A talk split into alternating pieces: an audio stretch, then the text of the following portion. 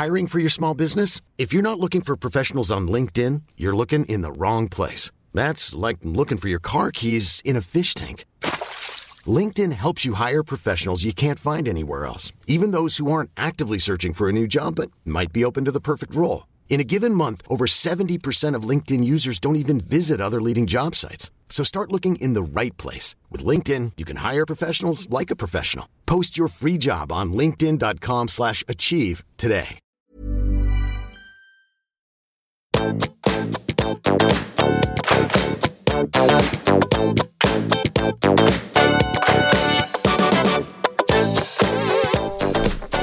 alle sammen, og velkommen tilbake til podkasten Karriereveiledning med Elaine. Jeg har med meg en gjest som jeg har gleden av å introdusere. Eh, Men før jeg gjør det, så vil jeg bare si at hun har vært med på en tidligere episode. Og den skal dere få vite litt mer om utover episoden, men den er i hvert fall verdt å høre på. Den handler om en ganske tøff eh, barndom og konsekvensene av det knytta til karriere. Men nå er Siv Iren. Velkommen, du er tilbake. Tusen takk for at jeg fikk lov til å komme tilbake. Det er veldig hyggelig å bli invitert. Du, øh, og du er invitert fordi vi hadde en liten prat øh, for en uke siden, veldig kort, men der er det et tema som øh, jeg har jobbet mye med i kraft av å være karriereveileder og møtt på en type utfordring, vil jeg si. Hvis du har kjent på dette på kroppen og ja, har opplevd noe av det vi skal snakke om. Så vi kommer jo inn med to ulike perspektiver, og temaet for podkasten, som for noen sikkert syns er fryktelig rart, som noen kanskje aldri har tenkt på, det er tannhelse og generelt hygiene. Yes. Altså, hvorfor må vi ha den samtalen her, Siveren? Den tror jeg er litt sånn long time coming. Um, fordi nå ser vi jo selvfølgelig i eh, mediene da, eh, den siste tiden så er det en del eh, politiske partier som fronter saker som omhandler tannhelse, som gjør det veldig aktuelt for meg å melde meg på som debattant. Fordi jeg har en egen historie som jeg vet veldig mange deler sammen med meg når det kommer til å ha dårlig tannhelse som voksen, og hvordan det har påvirka livet mitt. Eh, så sånn som Vi har jo snakket sammen eh, en gang tidligere eh, i podkasten her om min oppvekst, som selvfølgelig ga en del emosjonelle, psykiske, men også fysiske utfordringer for meg å deale med videre. Og tenner er veldig ofte en ting som mange med min bakgrunn deler som et problem når de blir voksne. Ja, og, og, og, det er akkurat dette her, da, for liksom tenner, eh, karriere på. Jeg er sikker på at noen kommer til å enten skru av, og så tenker jeg hvis du kjenner at dette er helt uinteressant, så kan du enten eh, tune av, eller så kan du faktisk eh, kanskje få noen interessante perspektiver. Eh, selv om du tenker at ikke det gjelder deg, så kan det være at du kommer til å møte noen på din vei som arbeidsgiver, eh, kanskje som arbeidstaker, som kollega, som medmenneske. Eh, hvor du ser noen kanskje, la oss bruke uttrykket, og jeg liker det ikke, men si dårlig tannhelse, da. Ikke sant? Eller manglende tenner, eller noe som de fleste vil tenke sånn Oi, hula han har ikke tatt vare på seg sjøl. Ja. Her er det noen som ikke pusser tenner, rett og slett. Det er jo den første innskytelsen mange har. Em, og jeg skal bare si kort hvorfor. Og jeg er overhodet ingen ekspert på dette området, men hvorfor jeg har lyst til å ta det opp, er fordi jeg har jo jobba som sagt med flere eh, tusen mennesker fra over 60 land. Vi kan snakke om mangfold av individer med veldig forskjellige tenner. Ja. Noen har ikke hatt tenner, noen har hatt rottetenner, noen har hatt én tann. Eh, og hva det gjør med selvfølelse, hele prosessen i det å både tenke karriere, men også hva det gjør ellers. Jeg syns jo det er kjempeinteressant, fordi jeg har jo en slags eh, Ja, begynner å bli litt sånn offentlig åpen profil om konsekvensen av å liksom vokse opp litt på skyggesida av samfunnet. Eh, og velger å fortelle litt om det, for jeg vet det er veldig mange som ikke orker. Eh, men som vi også vet er en veldig, veldig stor del av hele økosystemet samfunnet vårt er. Eh, og en av de tingene som faktisk var det vanskeligste for meg å dele, og jeg snakka åpent om både vold, rus, seksuelle overgrep og mange ting som jeg har opplevd. Når jeg skulle begynne å snakke om hva slags konsekvenser eh, det hadde for min del, det var tøft. Det var mye lettere å si at det gjorde at jeg utviklet spiseforstyrrelser i ung voksen alder. Det gjorde at jeg sliter den dag i dag med litt sånn angstproblemer og frynsete nervesystem. Og så kommer liksom den store greia. Og jeg har slitt helt vanvittig mye med tennene mine. Mm. Eh, det av en eller annen grunn overraska meg skulle være så vanskelig å si. Det er mye vanskeligere å si at jeg har dårlig tannhelse, enn å si at jeg har vært utsatt for seksuelle overgrep. Og det tror jeg sier litt. Fordi vi vet på en måte fortsatt hvor tabubelagt det er å snakke om sånne type opplevelser i oppvekst. Og da tenker jeg da må vi snakke mer om tannhelse. Og så har jeg lyst til å kanskje dele mitt perspektiv på hva jeg mener når jeg sier tannhelse. Mm. Fordi det er veldig lett å tenke at det handler om hygiene, tror jeg. For vi mm. har liksom fått en barneopplæring. De fleste av oss har Altså, det blir ikke hull i en tann som er ren. For tennene det pusser vi jo én etter én. De fleste kan den barnesangen. Eh, det stemmer ikke alltid. Men vi, blir jo vokst opp, vi har vokst opp med den troen. ikke sant? At det handler om at hvis man bare er flink til å pusse tennene og spiser godteri på lørdager, eh, da får du ikke hull i tennene. Og hvis du har det, så er det fordi du har slurva. Så hvis du mm. går til tannlegen i dag og får beskjed null hull, ja, så har du vært flink. Og så kan du klappe mm. deg sjøl på skulderen og være stolt av at du er flink til å ta vare på tennene dine. Mm. Men sånn for meg, for eksempel, da, som hadde min første rotfylling som 18-åring mm. Jeg hadde ikke en eneste tann som ikke var bora i den dagen jeg fylte 18. Og da starta reparasjonen på de reparasjonene igjen. Og på den tida så var det sånn at da var det gratis tannhelse fram til jeg ble 18. Og så har de jo selvfølgelig mm. utvida det med et par år nå, så nå er det vel 20. Um, ehm, så er det sånn at jeg, jeg, sitter ikke igjen med en følelse i dag at det var min skyld. Uh, jeg har betalt prisen for det, selvfølgelig.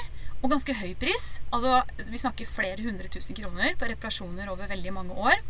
Som satte meg i en ganske stor økonomisk eh, kjempekrise i etableringsfasen sant, i livet mitt som voksen. Og både det med tannhelse og f.eks. inkassogjeld kombinert Altså, jeg har aldri hørt noen snakke opp, åpent om det noen gang. Og Derfor så syns jeg dette her er så modig, og samtidig uten at det, det er noe stakkars meg i det, og det er lov til det. For du, du, du er jo på en plass nå hvor du har, du har, veldig flotte tenner. Og jeg ville aldri tenkt at å, hun der, hun har, hun har slitt med tennene sine. Og, og, og, det er jo en, en, grunn til det, for du har jo virkelig, som du sagt, betalt prisen. For det er jo sånn at veldig mange vaner, altså dette med habits og rutiner, det starter jo i barndommen.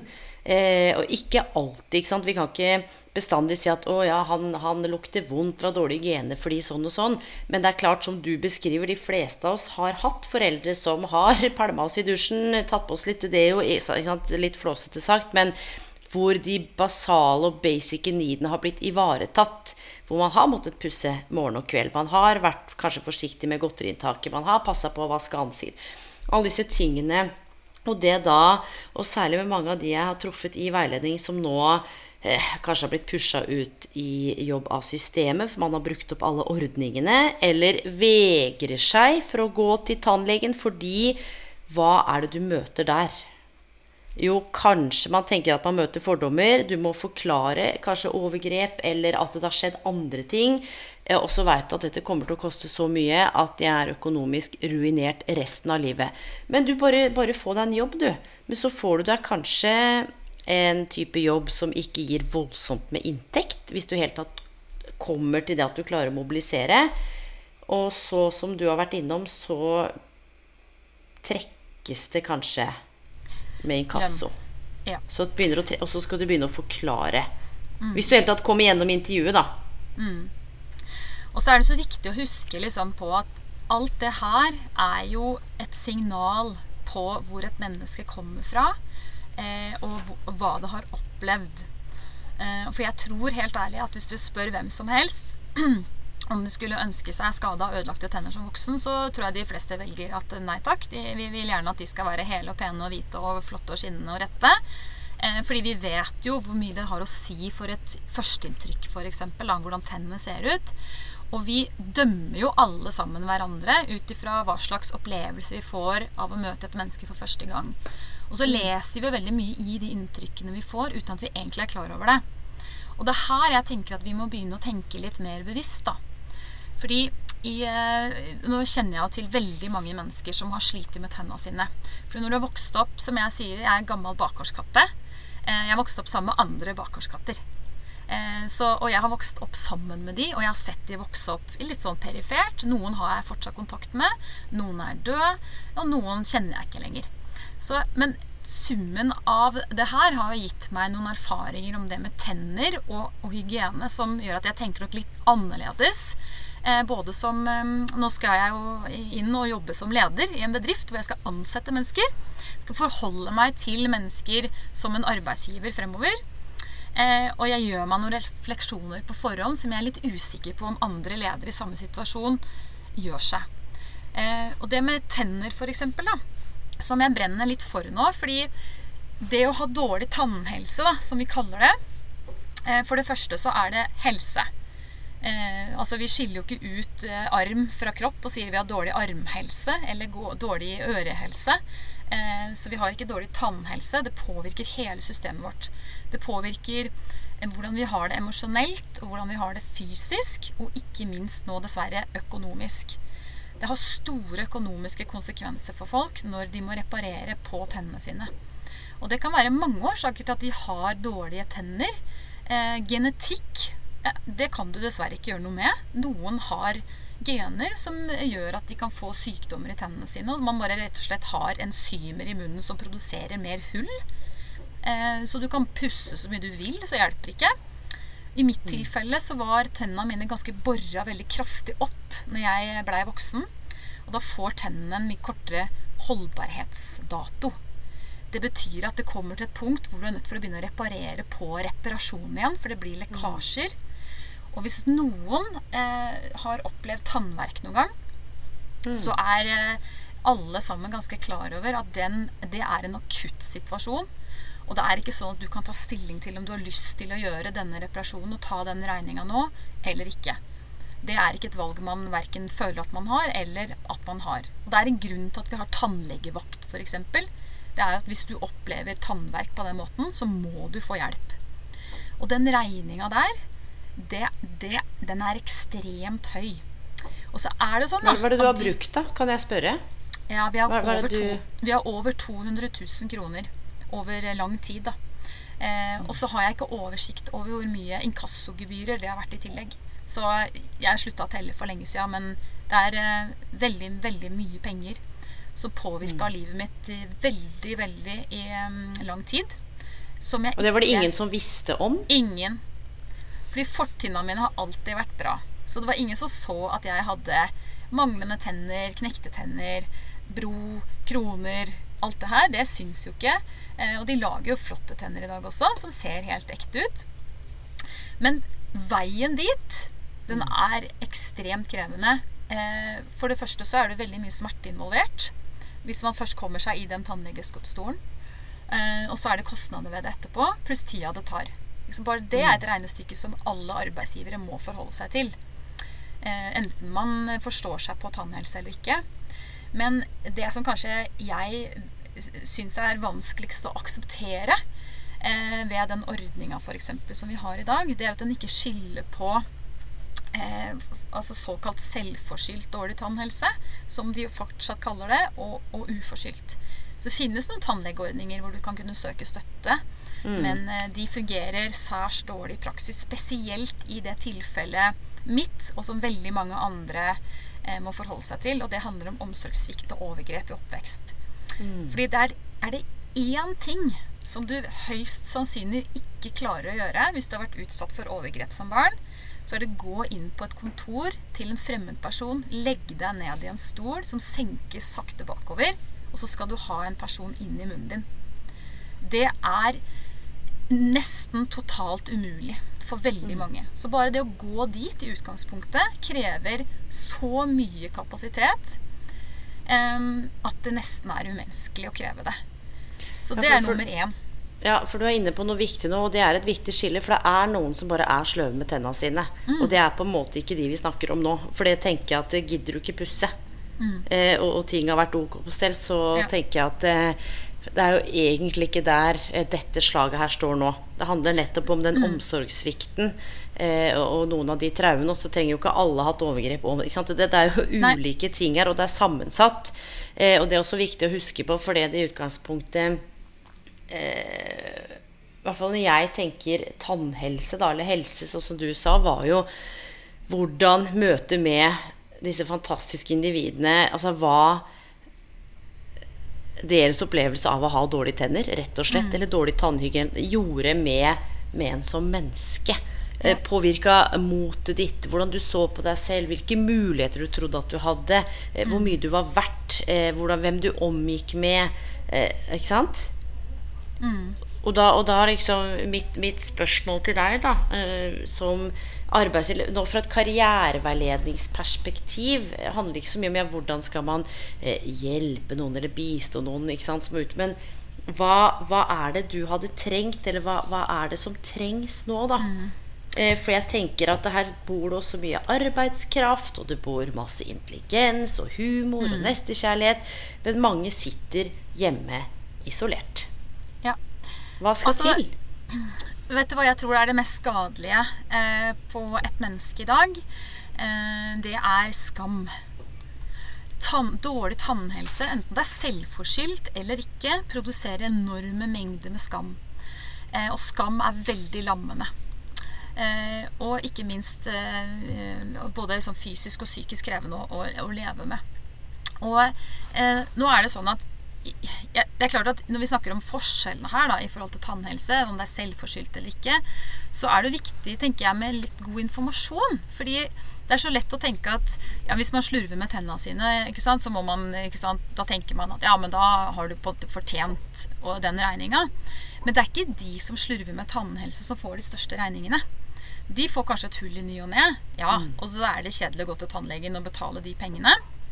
De som får de største regningene, det, det er mennesker som har vært utsatt for tortur, overgrep, omsorgssvikt, rus, medisinering eh, og ganske sånn alvorlige eh, utfordringer i livet som påvirker tannhelsa vår. Det sies jo at det f.eks. å ikke reparere en tann som har hadde gått tannrotbetennelse i, kan også gi problemer med hjertet. Så det som er interessant, da, syns jeg, det er når du snakker med tannleger i dag, f.eks. Så får de opplæring i, på skolen om hvordan de skal avdekke omsorgssvikt og overgrep hos barn. Det er en av grunnene til at barn går hyppig til tannlege også. Det er som en del av liksom, velferdsstaten. Vi skal ta vare på alle og avdekke disse tingene. Men det er ikke sånn at dette begynner å synes så veldig godt før man er blitt voksen. Og når da det kommer denne sinnssyke regninga i tillegg, så er- det som om noen bare trekker teppet ut under beina på deg. Så når du kommer ut i voksenlivet da, og har kanskje hatt en ganske vanskelig oppvekst i utgangspunktet, eh, og du strever med å liksom bare stå på beina og finne ut av hvordan du skal klare å leve et selvstendig liv, så må du forholde deg til konsekvensene av det her. Ikke sant? Det kommer sjelelige konsekvenser, emosjonelle konsekvenser, psykiske konsekvenser. Noen utvikler jo store sykdommer ikke sant? som er vanskelig å behandle. Noen får masse plager. Eh, angst, depresjoner, spiseforstyrrelser. ikke sant? Og så har du disse fysiske konsekvensene i tillegg, som tenner er eh, en del av. Eh, så jeg tenker at det er så sammensatt at vi, vi må slutte å tenke at tannhelse er noe for seg selv. Tenner er en del av hele kroppen vår, og alt henger sammen. Og Derfor så syns jo jeg Jeg slår jo et slag for å få tannhelse inn på folketrygda eh, i en eller annen grad. Jeg har ikke så mye greie på hvordan vi skal løse det her. Jeg syns bare at det er for stor urettferdighet i det systemet vi har i dag, i forhold til de som faktisk har behov for mest hjelp.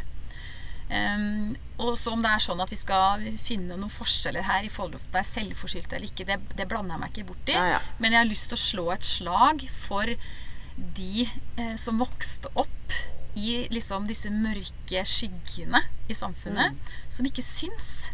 Ikke sant? Og så når du er voksen, så skal du begynne å betale på det her eh, selv. det, ja. det, forstår jeg ikke er greit engang. Du, og, og, og det er derfor vi gjør den podkasten her. Og jeg kjenner jo Det jeg kjenner på, da, hvorfor jeg gjør denne her eh, Episoden er jo nettopp med bakgrunn i Nå kjenner jeg jo deg litt òg, men de menneskene jeg har møtt. Og når man snakker om dette med selvstendighet, da, eh, og jeg sier ikke at det, det, å få seg en jobb løser alle livets problemer. Eh, men det å på en måte kunne også på sikt ha noe selvstendig inntekt, eh, ha en jobb å gå til, våge å tenke Nå snakker jeg både fra medmennesket Elaine Blue, men også karriereveiledningsperspektivet. Det å tørre å tenke på at man kan eh, være en del av samfunnet. Det er lov til å ha en visjon og håp og drømmer og en fremtidstro om at det kanskje er mulig å sette seg på skolebenken for de som ønsker det, eller Eh, kanskje få den forfremmelsen, eller hva enn det er noe andre karrieremål. Og nettopp fordi det er så sammensatt, så påvirker det jo økonomi, jobb, psykisk helse, fysisk helse, nære relasjoner. Ikke mm. sant? Spiritualitet for noen, personlig utvikling. Alt henger sammen med alt. Og da tenker jeg um, Mange som lytter, er jo arbeidsgivere. Mange er jo ledere. Mange er jo studenter. Mange er jo på jakt etter jobb.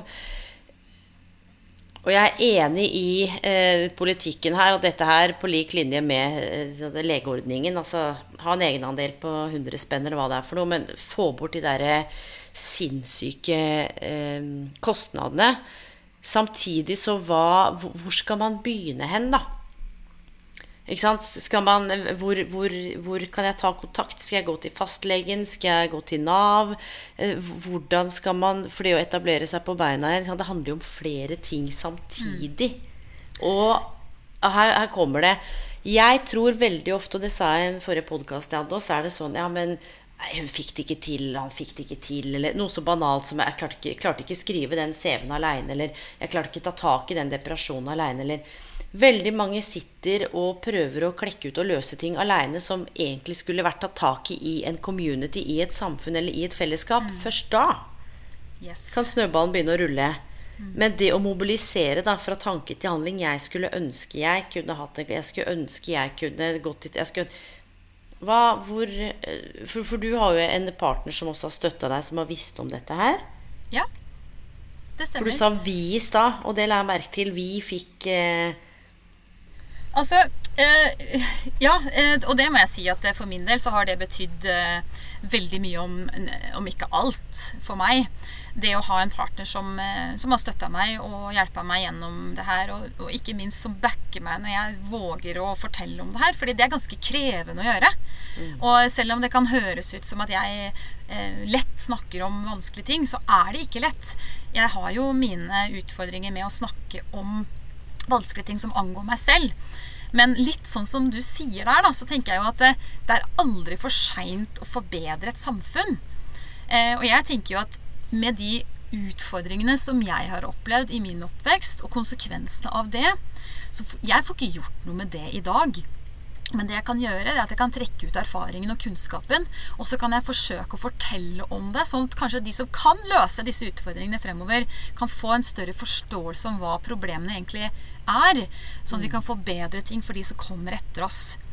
Eh, og jeg tenker jo at det som jeg syns er interessant, da, det er jo at når vi har f.eks. Eh, undersøkelser som viser at eh, det tar i, i snitt 17,5 år for et menneske å åpne seg og fortelle om overgrep eh, de har vært utsatt for, så er det jo kjemperart at vi har et system eh, som heller ikke er tilbakevirkende effekt. Så vi sier at når den tanna ryker, da, så har du ikke enda begynt å snakke om eller fortelle om hvordan du har det. For du vet at når du trekker i den proppen der, da, da, vet du ikke hvordan det blir fremover. Da mister du egentlig kontrollen på hele nervesystemet ditt og hele framtida di. Sånn kan det mm. føles ut som. Så det å begynne å snakke om tenner å gå til Nav for eksempel, og skulle overbevise Nav om at jeg har virkelig blitt behandlet så dårlig at jeg ikke har skyld i hvor, at tennene mine er så dårlige og trenger reparasjoner, og det koster penger. Fordi per i dag så jeg bare opplever at det er en litt sånn inhuman og litt verdighetsløs eh, ordning eh, som krever noe som ikke mennesker kan gi. Vi vet det tar 17 år før man åpner seg. Det gjorde det for meg, og jeg var også en av de. Det tok mange, mange år før jeg fortalte for første gang hva jeg hadde opplevd som barn. Og i mellomtida så har jeg opparbeida meg eh, egne mestringsstrategier for å tåle det. ikke sant? Så det var først når jeg begynte Ja, å åpne meg og snakke der om det. Det er akkurat det disse mestringsstrategier man utvikler, ikke sant, som er forankra i, i, i, i masse ulike mekanismer, da, som du var innom. Skam, Mm. frykt, og det er jo et som du sier, stort økosystem. Det er familie, hvem vet, og ikke alt det som er i kjølvannet av, og mye, mye mer som jeg ikke har noe som helst peiling på. Så, Mm. Som jeg ikke engang kan sette meg inn i. Men det er ut ifra den samtalen her, da, og ut ifra og det er liksom ikke én jeg har møtt gjennom ti år. Det er mange. Eh, nå er det, ikke, det, har det, det har ikke vært flest av de som har hatt utfordringer med tenner. Det har vært flest av de som har flotte tenner, eller litt skeive tenner, eller litt gule og hvite tenner. Det har ikke, det har ikke vært flest av, av eh, de som har hatt utfordringer, men det har vært nok til at det har gjort at de har vært hjemme i flere år, eller vet du hva, levd i en form for, for utenforskap eh, på noe vis. Og så tenker jeg det er en litt sånn marginalisert gruppe vi snakker om nå. Og samtidig så har det blitt et sånt samfunn at man skal være kjempeforsiktig med hva man snakker om, og hvem man snakker til, og hva man sier, for du veit jo fader meg aldri eh, hva som kan komme i kjølvannet av en eller annen setning eller glipp. Eller, ikke sant? Men dette her, når vi snakker nå, så er det litt sånn rett fra levra. Og så Jeg har ikke noe løsning på noen ting, men jeg følte en sånn empatismerte, eller jeg vet ikke hva det heter, ved å sitte overfor noen eh, som, som hadde ulike årsaker til, da. Vi snakker om en barndom eller hva som har skjedd i, i men bare Ok, og da var vi kommet, og hva, hva gjør vi nå? For det er jo ikke sånn så Nå kan du gå med munnbind, da. Eller i hvert fall kunne gå med munnbind. Det har sikkert vært digg for noen. Men du kan på en måte ikke skjule tenna dine når du kommer på det intervjuet.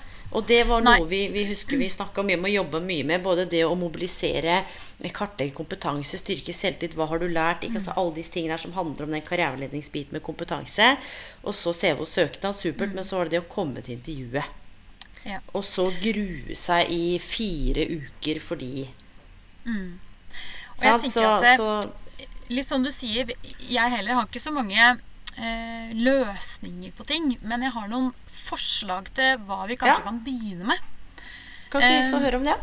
Fordi for eksempel som du snakker om et karriereperspektiv, hvor et menneske skal møte et annet, bli vurdert om man er god nok.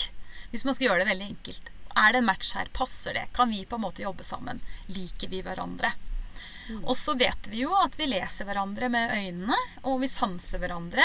Eh, og det, vi gjør jo oss en mening om hvem den andre er, lenge før vi egentlig har begynt å bli kjent og snakke sammen. Og, og tenner, eh, det har en kjempeeffekt på oss. Hvis vi ser et hvitt, pent smil, så senker vi skuldrene. Ubevisst og tenker vi at her er ting på stell. Ikke sant? Mine tenner er flotte, ikke sant? men det betyr ikke at, at de er friske. Eh, For det har de jo ikke vært. Jeg har vært heldig med fortanna mine. Eh, Og det har vært en fordel for meg i jobbsammenheng, fordi da har ikke mine sårbarheter eh, og mine plager syntes. Jeg kunne skjule det. Og det, ikke, det privilegiet har ikke de som f.eks. har skade på fortennene sine.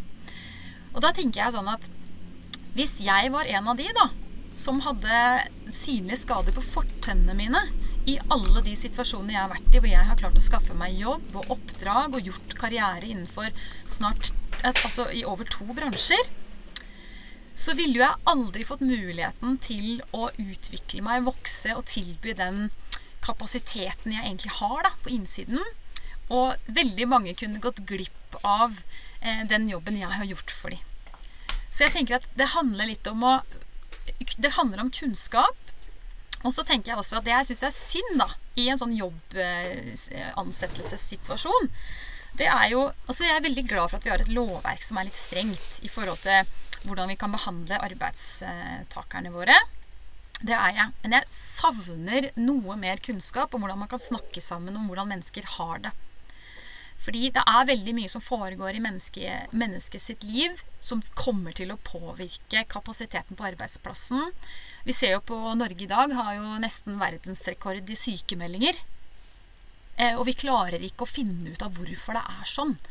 Jeg, jeg, min teori, og det er mulig det er feil, og kanskje mange er uenige med meg, men jeg tror det handler om at vi må, vi må tørre å snakke mer sammen, og vi, vi må være eh, litt tøffere i å stille hverandre spørsmål. Eh, blir, sånn at vi kan bli bedre kjent med hverandre. For vi, det er et for stort skille, føler jeg i dag, mellom Men der, mennesker. Der sa du noe. Og, og det er litt av det jeg sier nå, da med det Det veit jeg ikke om jeg skal si, fordi at jeg kjenner at jeg er litt sånn Ikke redd for, men jeg tenker herregud, skal, så skal jeg begynne å blande meg inn i dette her, og hva blir konsekvensen? Men litt dette krenkesamfunnet.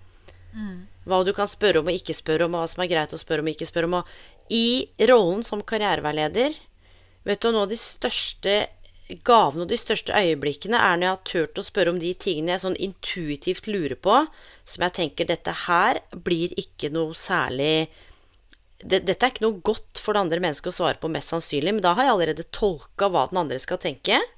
Så det har jeg også jobba med å legge bort.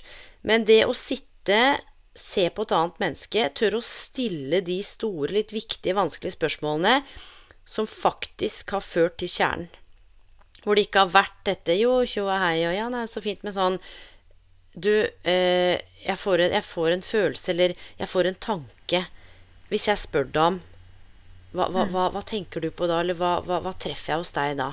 Mm. Altså, De gangene kanskje... Der, der, sier vi igjen. Der har du kommet. Og så er det jo noe med da å sitte på et arbeidsintervju eller sitte med en kollega. Hvor, hvor lett er det? ikke sant? For alt dreier seg jo også om kontekst. Sant? Jeg er helt enig med deg, og, det å tørre å stille de spørsmålene og, og bry seg. og Hun Tone Lise på forrige episode snakka om sosialt ansvar. Dette er også en form for sosialt ansvar som du tar. Å tørre å sette dette på agendaen. Eh, men det er liksom som, som, hvordan å begynne å snakke om det. Men så sitter noen hjemme nå og kanskje hører og tenker sånn Shit, det var jo en jeg hadde på intervjuet. Jeg tenkte sånn Guri land, så du dit hen? Nei. Eller hvordan noen som sitter hjemme og tenker sånn Å, jeg har så lyst til å søke den jobben, men jeg veit at det, det, er jeg ikke verdt, liksom. Mm. Det jeg har lyst til å si om det, det er at vi igjen tilbake med synlige skader. Vi må huske det at én av fem, én av fem i Norge Når jeg vokste opp, én av fem statistikken er, har blitt utsatt for eh, fysisk eller psykisk mishandling eh, syk, altså seksuelle overgrep eller omsorgssvikt i en eller annen grad. Én av 20 tror jeg så mange i alvorlig grad. Det er de samme tallene vi ser i dag. Så de menneskene som du har inne på kontoret ditt, du kan bare gjøre matten, egentlig. Én av fem kommer med en historie som preger hele dem. Hele eh, hvem de er, hvordan de tenker på verden, hvordan de har det. Eh, og jeg tenker at da er det så rart at ikke vi kan stille flere spørsmål som handler om hvem er du? Eh, og at synlige skader skal på en måte avgjøre om vi tenker at de er en del av det tilfellet ikke. Sånn sett så er det en fordel, for da kan man kanskje snakke om det. Og så får man mulighet for å gjøre tilpasninger på arbeidsplassen. Si det er en person da, som har slitt med spiseforstyrrelser i mange år. Det, gjør, det kan skade tenna skikkelig. Hvis du har mm, f.eks. Mm. bulimi, det vet man jo. Yes. Ja, så har man kanskje kvitta seg med bulimien, da, men du kan ikke skaffe deg en ny emalje. Ikke sant? Så da lever du da med den emaljen du har resten av livet, med mindre du tar deg råd til å koste på deg noen flotte falsetter, eller bytter ut tenner, eller reiser til Polen, eller hva du gjør. Men du må mest sannsynlig leve med de skadene på tennene, synlige skadene. Og da er det så synd at ikke det kan være en ressurs. Den historien og den veien ut av det er jo enorm kompetanse eh, som en arbeidsplass egentlig burde ta imot med åpne armer. Mm. Og det å kunne liksom få lov til å hente ut det i hverandre, der tenker jeg liksom at der kan vi merge liksom arbeidstaker, arbeidsgiver, samarbeidet til et sted hvor eh, vi kan endre samfunnet. Ja, og jeg sitter samtidig når du snakker og ikke, kjenner ikke på motstand, men kjenner sånn Jeg har vært i så mye de siste ti åra. Nedbemanningsprosesser, oppbemanningsprosesser, organisasjonsutvikling, you name it. Og sitte i så mange intervjuer og vært med eh, hvor den halvtimen eller de tre kvarterene, det er litt den screening-prosessen, ikke sant? Du hører jo typisk nå, så leste jeg sist i avisa, nå får jeg sikkert juling for å si det, men eh, to sekunder bruker man på å lese CV-en din. Fy faen, for noe bullshit! Vet du hva jeg tenker hvis jeg sitter og rekrutterer, og jeg leser, og noen har brukt tid på å sette seg ned og skrive en CV og en søknad til meg som arbeidsrekrutterer? Ikke faen om jeg bruker to sekunder Nei, du går i nei-bunken. Jeg respekterer det mennesket og veit at det har kanskje tatt fire dager eller to timer eller en uke eller en lang prosess for hele tatt komme til å skrive de dokumentene, så skal jeg bruke to sekunder og vurdere skjebnen. Hva er det for sånne, sånne lette flåsete greier blir jeg helt svett av. Jeg kjenner jeg fyrer meg opp nå. Og det er litt i tråd med det vi snakker om nå, at jeg ønsker at det skal være en mye mer symmetri i forholdet mellom den som intervjuer rekrutterer, og den som kommer til intervjuet. arbeidsgiver skal tenke Hvorfor vil vedkommende jobbe her? Hva slags leder er jeg? Hva slags kultur skaper jeg? Hvor opptatt er jeg av eh, inkludering og mangfold, uansett om vi snakker hvor man kommer fra, eller hva man har stått i, eller Skjønner du? Mens ofte så er det 99% av tida, og dette er liksom empiri og evidensbasert gjennom ti år Å, å, å gud, jeg skal på jobbintervju, jeg gruer meg.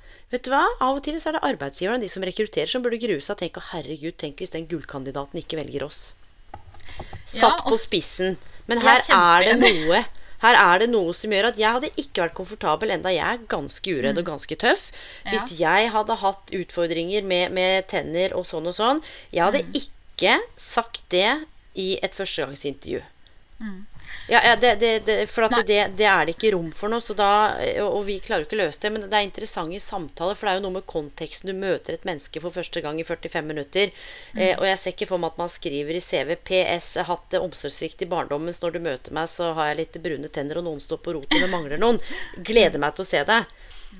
Så det er derfor, Vi trenger jo ikke ha noen løsning, men derfor denne samtalen er så viktig. For det er hvilke foraer skal dette her Skal disse mulighetene skapes? Eh, For jeg ser heller ikke for meg at man lager en dag som heter eh, Dagen for de med, med dårlig tannhygiene. Nå kan alle stille seg på rad og rekke, og så skal vi rekruttere de inn. Så litt sånn som man gjør med studenter, da, naturlig nok. ikke sant? Nå er det sånn eh, karriereuka, og så kommer det masse arbeidsgivere og leter etter spennende studenter.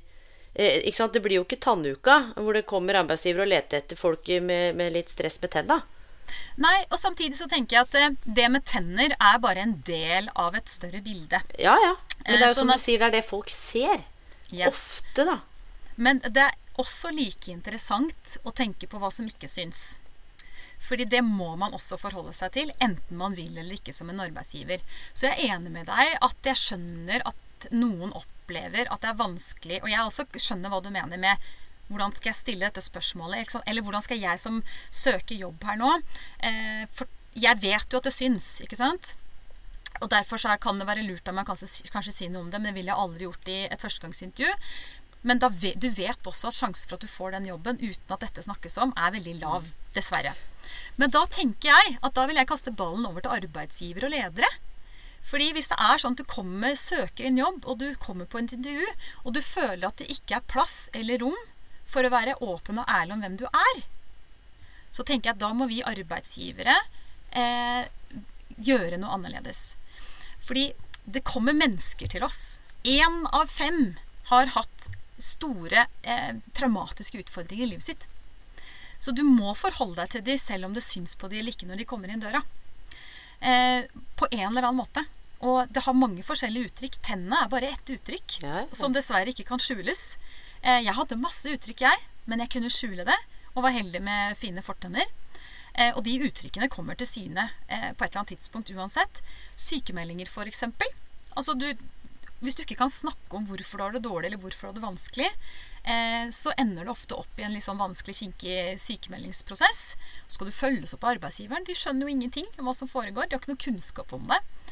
Så jeg tenker at jeg, jeg vil så gjerne være med på å snakke om helt vanlige ting. Psykiske utfordringer, plager, traumatisert oppvekst, dårlig tannhelse. Det er helt vanlige ting. Det er en del av menneskeliv til veldig, veldig mange Altså 100 000 mennesker i det landet her. Som alle arbeidsgivere får innom. Så vi, jeg tenker sånn Vi har vi har så mye å gå på i forhold til å tørre å adressere disse utfordringene mer, og heller tenke tilpasninger. Ikke 'hvordan kan jeg sile ut de som kan ha utfordringer som, går, em, som blir vanskelig for meg å forholde seg til som leder'. Heller hva slags refleksjoner har disse menneskene gjort seg? Hva slags erfaringer har de gjort seg? Har de fått kompetanse som andre mennesker som ikke har vært igjennom disse tingene, har fått? Som kan være bra for oss? Hvordan kan jeg tilpasse arbeidsplassen min eh, slik at disse menneskene kan få vokse og gro og by på det de har å by på, og ikke måtte skjule det? Nei, og, og, ikke sant? og da er du inne på noe viktig igjen, som jeg sa med, med sant? at det, er, det virker som, eller fremstår som om det ikke er så Det er, litt- det er litt si, trange rom eh, med lukka dører og vinduer da, for å kunne sette ord på dette her. Men samtidig eh, så vet jeg også at og Ikke nødvendigvis når ting er bearbeida, men når noen har kommet til det at jeg kjenner at skammen har stoppet litt. For det er det jeg også opplevde, hvorfor jeg ville gjøre denne episoden. Og en av mange de eh, som jeg har møtt da, og fått gleden av å jobbe med, hvor de har gjort all jobben sjøl. Jeg har vært en sånn ja, ja, sparra litt, og vi har Men de har jo gått de stegene. Og det er flere som har satt ord på det i et intervju, som kom i forkjøpet. Men da var det også ikke innøvd, men det var bearbeida hvordan man skulle si det, hva som skulle fortelles, for man trenger ikke skru på krana og hvelve ut alt, og det mener jeg. Det jeg fra, og dette er bare min subjektive mening. Jeg har rekruttert masse i mange, mange år, og er glad for at folk setter ord på hvordan de har det, og, og hvem de er, men at det i hvert fall gjøres i, man ha, i litt i den konteksten også. Sant? For hvis man skrur på krana og velter ut alt, så, så, skal jo arbeidsgiver også motta det. Men så er det noe med at det er, et, det er noe med settingen og konteksten. Men de som faktisk eh, lykkes, eller jeg liker ikke å bruke det ordet, men som mestra, de satte ord på det. På, ikke, ikke på en flåsete måte, men fikk eid historien sin og sagt at og det betyr at og sant, sånn og sånn. Også, med motivasjon og bidrag. Eh, og en del av disse jobbet også med supported employment, som er en metodikk hvor man er med ut og følger opp. Og, eh, hvor dette her var jo helt fremmed for arbeidsgivere. Sant? Men det handler litt om hvordan man kommuniserer det, og det er litt synd også.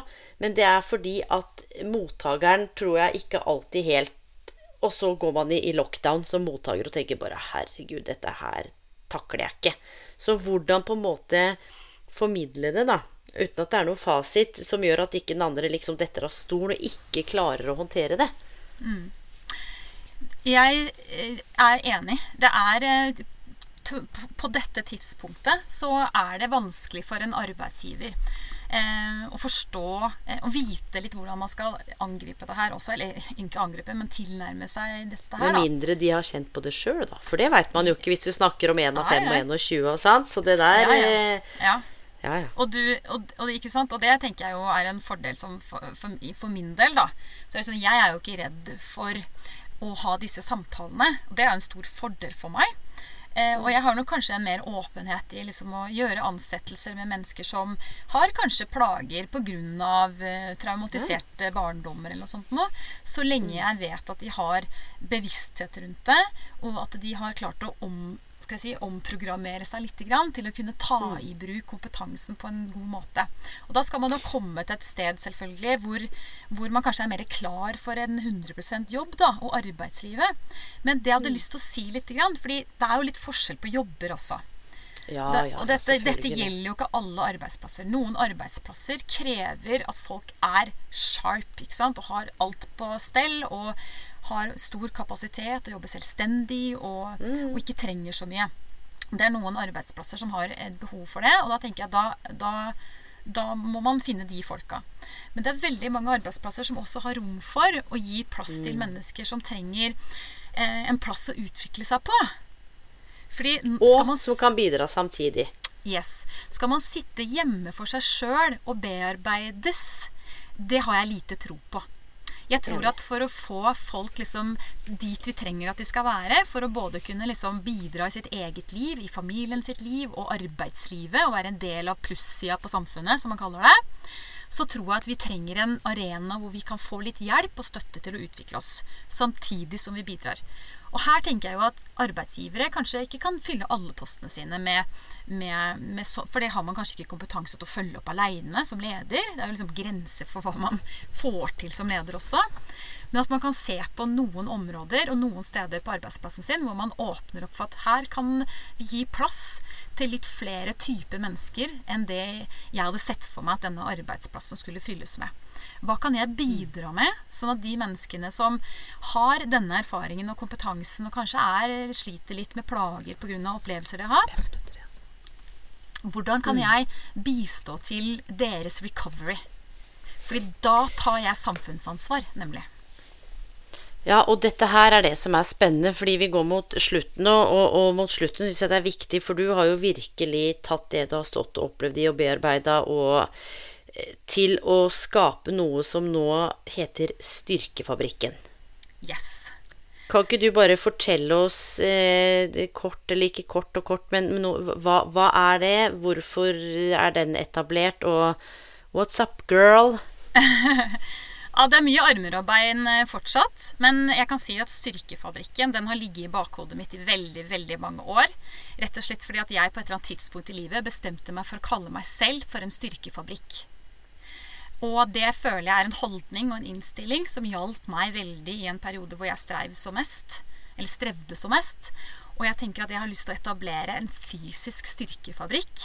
Sånn at eh, alle som trenger å få litt eh, bistand til å styrke seg selv, til å tåle sitt eget liv bedre, nok til at man føler at man har det bra nok, mm. utenom ordinære behandlingsløp, kanskje i tillegg til eller istedenfor, det ønsker jeg å være med å bidra til. Og eh, da er det jo alt som handler om styrke, støtte og samhold. Det er det jeg er opptatt av. Jeg vil at det skal være en arena hvor alle skal føle seg velkommen. Vi skal selvfølgelig eh, tilby aktiviteter, trening, kurs og workshops som omhandler det å ta hele mennesket på alvor. Eh, uten fordømmelse, med verdighet. Det skal være gøy å komme dit, og det skal være et eh, sted hvor folk også skal kunne jobbe fra et erfaringskompetanseperspektiv. Så man kommer da med sin erfaring og sin kunnskap, gjerne flotte utdannelser og alt det der. Og det er jo store ressurser liksom, i mange av de menneskene som skal jobbe her. De er der først og fremst som et medmenneske som brenner for å hjelpe andre i sine prosesser i livet. Så det er kort fortalt Styrkefabrikken. Jeg har lyst til å tapetsere Norge med Styrkefabrikken, men vi begynner med en pilot i Drammen. Så, når, når, begynner, når, når, begynner, du? Altså, jeg er i gang. Jeg er, eh, du er i gang. Hold, jeg holder på med både bootcamps, trening, workshops, kurs og foredrag allerede nå. Er up for grab. Bare å komme og fylle kalenderen min mer enn gjerne. Eh, og så er målet nå å ha et fysisk senter oppe fra våren 2022. Eh, med masse kule folk som skal komme inn og jobbe. Eh, så det gleder jeg meg veldig til. Og da handler det om å gi en arena for de menneskene som både er en del av samfunnet, men som bare trenger fellesskap og trening og et sted det er kult å være. Eh, og som ikke er så fokusert på kanskje hvordan kroppen skal se ut, men mer opptatt av at vi skal ha det bra.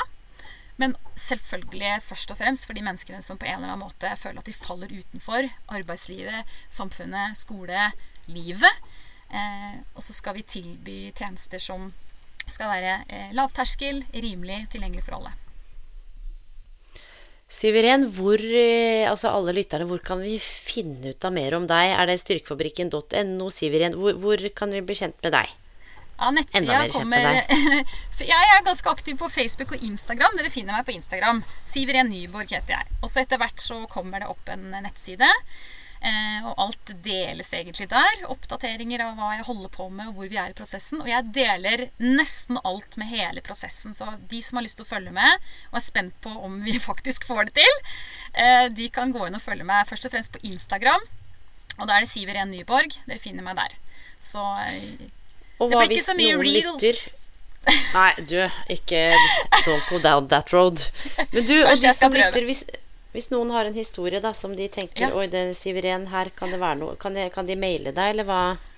Jeg, vet du hva, Innboksen min på Instagram er helt fantastisk. Det er et eh, menneskebibliotek med historier.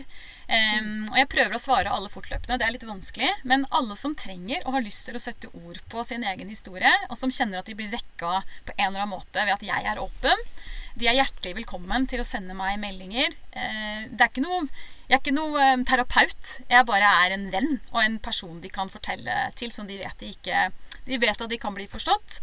Eh, og noen ganger så kan jeg gi tips og råd om eh, hva man kan gjøre, og hvem man kan ta kontakt med hvis man trenger spesifikk mm. hjelp. Så da sender jeg videre i så fall.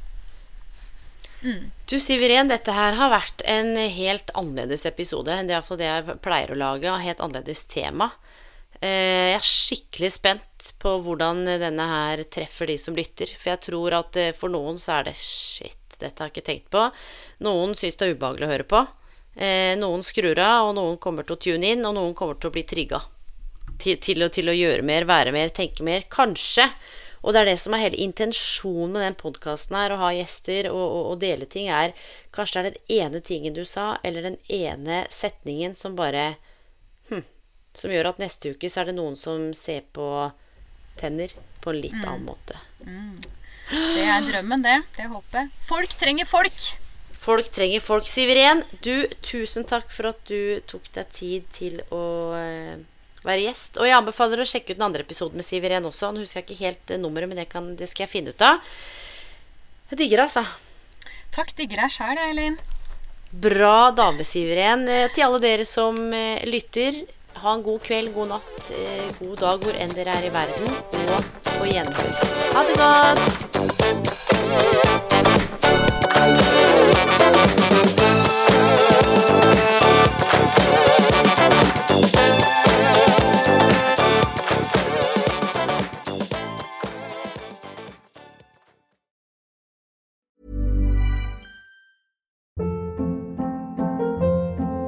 Hold up. What was that? Boring. No flavor. That was as bad as those leftovers you ate all week. Kiki Palmer here, and it's time to say hello to something fresh and guilt-free. Hello Fresh. Jazz up dinner with pecan-crusted chicken or garlic butter shrimp scampi. Now that's music to my mouth. Hello Fresh. Let's get this dinner party started. Discover all the delicious possibilities at hellofresh.com. My business used to be weighed down by the complexities of in person payments.